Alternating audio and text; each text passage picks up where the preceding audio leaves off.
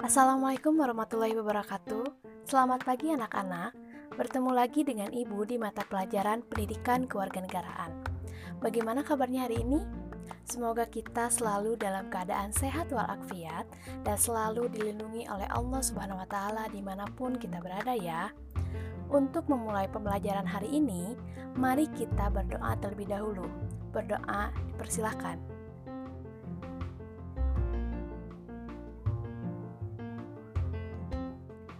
Berdoa selesai. Bagaimana pembelajaran pertama kalian hari ini? Lancar dan menyenangkan bukan? Maka dari itu, Ibu harap semangat kalian jangan hilang sampai pembelajaran hari ini berakhir ya. Baik, minggu kemarin adalah hari pertama Ibu masuk di kelas 11 MIPA 4 dan 11 MIPA 5. Dan kemarin kita sudah saling berkenalan untuk lebih dekat dalam proses pembelajaran. Jadi sekarang kita sudah saling mengenal bukan? Nah, setelah pertemuan kemarin yaitu mengenai bincang-bincang pembelajaran pendidikan kewarganegaraan di masa pandemi COVID-19 lewat aplikasi Zoom, maka pada hari ini kita akan masuk ke materi pembelajaran PKN pada bab 2 yaitu sistem dan dinamika demokrasi Pancasila. Yang berbeda dari pertemuan kali ini adalah pembelajaran tidak menggunakan aplikasi Zoom tetapi kali ini Ibu akan menjelaskan materi lewat audio dan kalian dengarkan audio ini dengan seksama dan melihat PowerPoint teks dan buku paket yang telah disediakan. Materi sistem dan dinamika demokrasi Pancasila ini terdapat pada KD 3.2 dan 4.2. KD 3.2 ini mengkaji sistem dan dinamika demokrasi Pancasila sesuai dengan Undang-Undang Dasar Negara Republik Indonesia tahun 1945. Dan KD 4.2 yaitu menyajikan hasil kajian tentang sistem dan dinamika demokrasi Pancasila sesuai dengan Undang-Undang Dasar Negara Republik Indonesia tahun 1945. Tujuan kalian mempelajari sistem dan dinamika demokrasi Pancasila ini diharapkan kalian dapat yang pertama, dapat menghayati nilai-nilai ketuhanan dalam berdemokrasi Pancasila sesuai dengan Undang-Undang Dasar Negara Republik Indonesia tahun 1945. Kedua, dapat berperilaku tanggung jawab dalam mengemukakan pendapat sesuai dengan Undang-Undang Dasar Negara Republik Indonesia tahun 1945. Ketiga, dapat menjelaskan makna demokrasi Pancasila. Keempat, membedakan klasifikasi demokrasi Pancasila. Dan yang kelima, dapat menerapkan prinsip-prinsip demokrasi Pancasila dalam kehidupan sehari-hari sesuai dengan Undang-Undang Dasar Negara Republik Indonesia tahun 1945.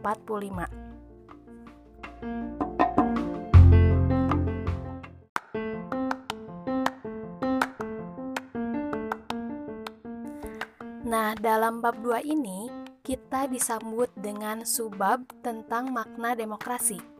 Kira-kira apa yang ada di dalam bayangan kalian terhadap demokrasi?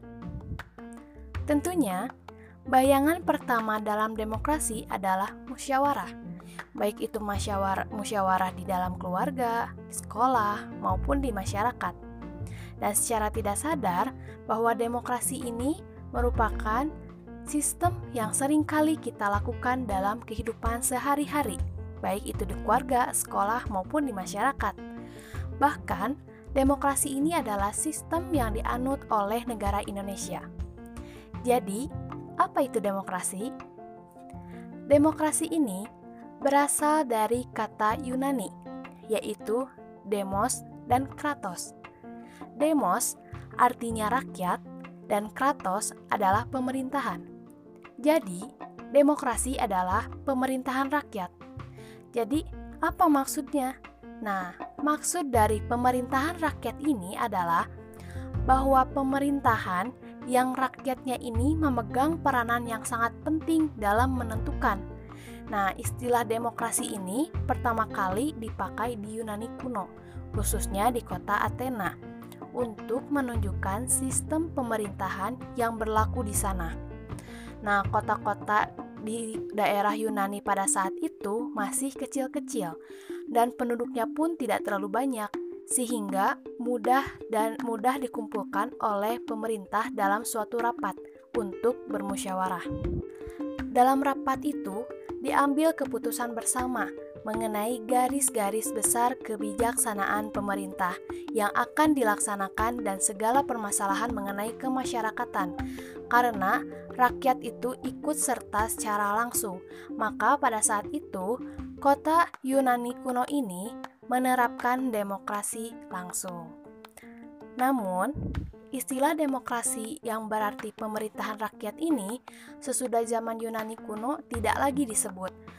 Setelah meletusnya revolusi Amerika dan revolusi Prancis, istilah demokrasi ini muncul kembali sebagai lawan sistem pemerintahan yang absolut. Jadi, apa maksud dari sistem pemerintahan yang absolut? Nah, Sistem pemerintahan absolut ini adalah bentuk pemerintahan dalam suatu negara yang dikepalai oleh seorang ratu, raja, atau kaisar yang kekuasaannya atau wewenangnya tidak terbatas. Dalam perjalanan sejarah, demokrasi langsung ini tidak lagi diterapkan karena kota-kota terus berkembang dan penduduknya pun terus bertambah. Selain itu juga, Alasan demokrasi langsung ini tidak diterapkan karena tempat yang dapat menampung seluruh kota yang jumlahnya besar ini tidak mungkin disediakan. Selain membutuhkan tempat yang luas untuk menampung masyarakat, musyawarah pun akan sulit dilakukan. Bahkan, hasil persetujuan secara bulat dan mufakat tidak mungkin tercapai karena sulitnya memungut suara dari semua masyarakat yang hadir. Nah, istilah demokrasi ini dijelaskan oleh seorang presiden Amerika Serikat yang ke-16. Beliau ini pernyataannya ini sering kali didengar oleh banyak orang, yaitu Abraham Lincoln. Beliau menjelaskan bahwa demokrasi ini adalah suatu pemerintahan dari rakyat, oleh rakyat, dan untuk rakyat. Apa maksudnya? Nah, maksudnya ini adalah bahwa rakyat dengan serta-merta mempunyai kebebasan untuk melakukan semua aktivitas kehidupan, termasuk aktivitas politik, tanpa adanya tekanan dari pihak mana pun, karena pada hakikatnya yang berkuasa ini adalah rakyat. Jadi, sistem demokrasi apa yang dianut oleh Indonesia? Nah, sistem demokrasi yang dianut oleh Indonesia adalah demokrasi Pancasila, yang penerapannya ini didasari oleh sila keempat, yaitu kerakyatan yang dipimpin oleh hikmat kebijaksanaan dalam permusyawaratan perwakilan, yang tentunya dijiwai oleh sila ketuhanan yang Maha Esa, kemanusiaan yang adil dan beradab, persatuan Indonesia – dan menjiwai sila keadilan sosial bagi seluruh rakyat Indonesia. Jadi, intinya bahwa demokrasi ini adalah sistem pemerintahan di mana rakyat yang berperan penting dalam menentukan atau memutuskan berbagai hal yang menyangkut dalam kehidupan bersama dari sebuah bangsa dan negara. Tetapi, dalam demokrasi, sering kali disebut bahwa rakyat bebas dalam menentukan kehidupannya, baik di dalam masyarakat maupun di negara. Memang benar, dengan adanya demokrasi ini, rakyat memiliki kebebasan dalam menentukan keputusan. Tetapi, konsep kebebasan dalam negara demokrasi ini tidak sebebas-bebasnya atau seenaknya. Tetapi, dalam demokrasi ini, diatur dan diarahkan oleh suatu lembaga kekuasaan yang sesuai dengan undang-undang. Kalau begitu, kebebasan kita dalam berdemokrasi tetap dibatasi dong, Bu. Nah, tidak. Kebebasan dalam demokrasi tetap dijalankan. Namun coba pikirkan, jika kita tidak mengatur kebebasan dalam demokrasi, tentunya kita akan melanggar hak asasi manusia, bahkan melanggar hak orang lain. Jadi, inilah arti bahwa demokrasi kita ini tetap bebas, namun tetap diatur oleh undang-undang. Nah, sampai di sini, apakah materi makna demokrasi bisa dipahami? Jika ada yang ingin ditanyakan, silakan tulis terlebih dahulu pertanyaan kalian dan setelah audio ini selesai, kita akan membuka sesi tanya jawab. Baik, selanjutnya kita akan lanjutkan ke materi klasifikasi demokrasi. Nah, demokrasi ini dibedakan dalam beberapa klasifikasi, di antaranya yaitu demokrasi berdasarkan titik berat perhatiannya, berdasarkan ideologi, dan berdasarkan proses penyaluran kehendak rakyat. Nah, kita akan bahas satu-satu klasifikasi demokrasi. Yang pertama, ada demokrasi berdasarkan titik perhatiannya.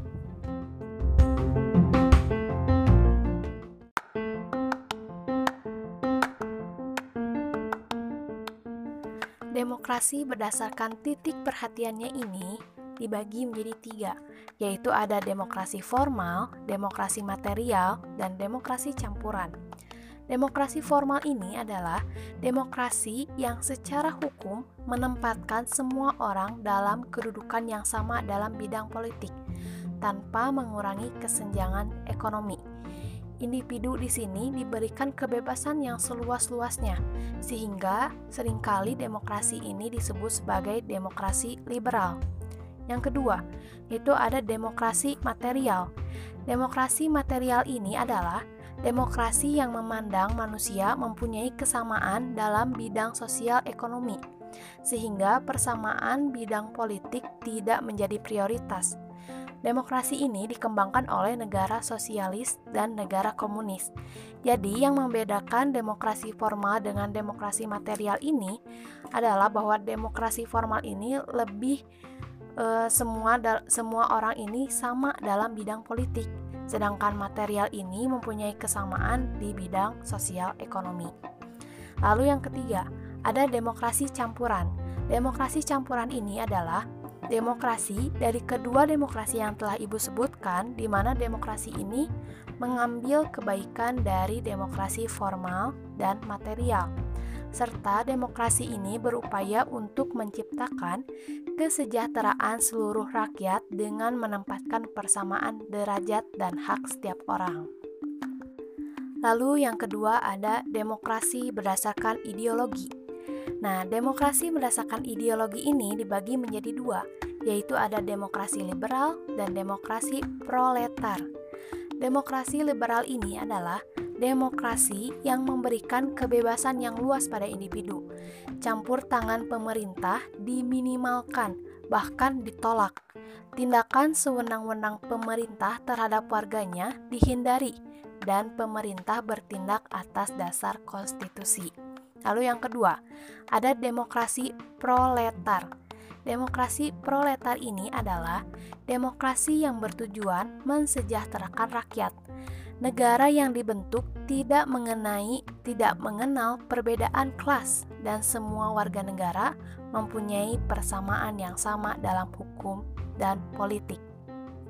Jadi, yang membedakan demokrasi liberal dengan demokrasi proletar ini bahwa demokrasi liberal ini memberikan kebebasan sebebas-bebasnya kepada individu, sedangkan demokrasi proletar ini adalah sebuah demokrasi yang mempunyai yang semua warganya ini mempunyai persamaan dalam hukum dan politik. Lalu yang ketiga ada demokrasi berdasarkan proses penyaluran kehendak hukum. Demokrasi berdasarkan proses penyaluran kehendak rakyat ini, maaf, maaf rakyat yang pertama itu ada demokrasi langsung, yaitu ada demokrasi langsung ini adalah demokrasi di mana rakyat ini diikutsertakan secara langsung dalam proses pengambilan keputusan untuk menjalankan kebijakan pemerintahan. Sedangkan demokrasi tidak langsung ini adalah demokrasi yang dilaksanakan melalui sistem perwakilan.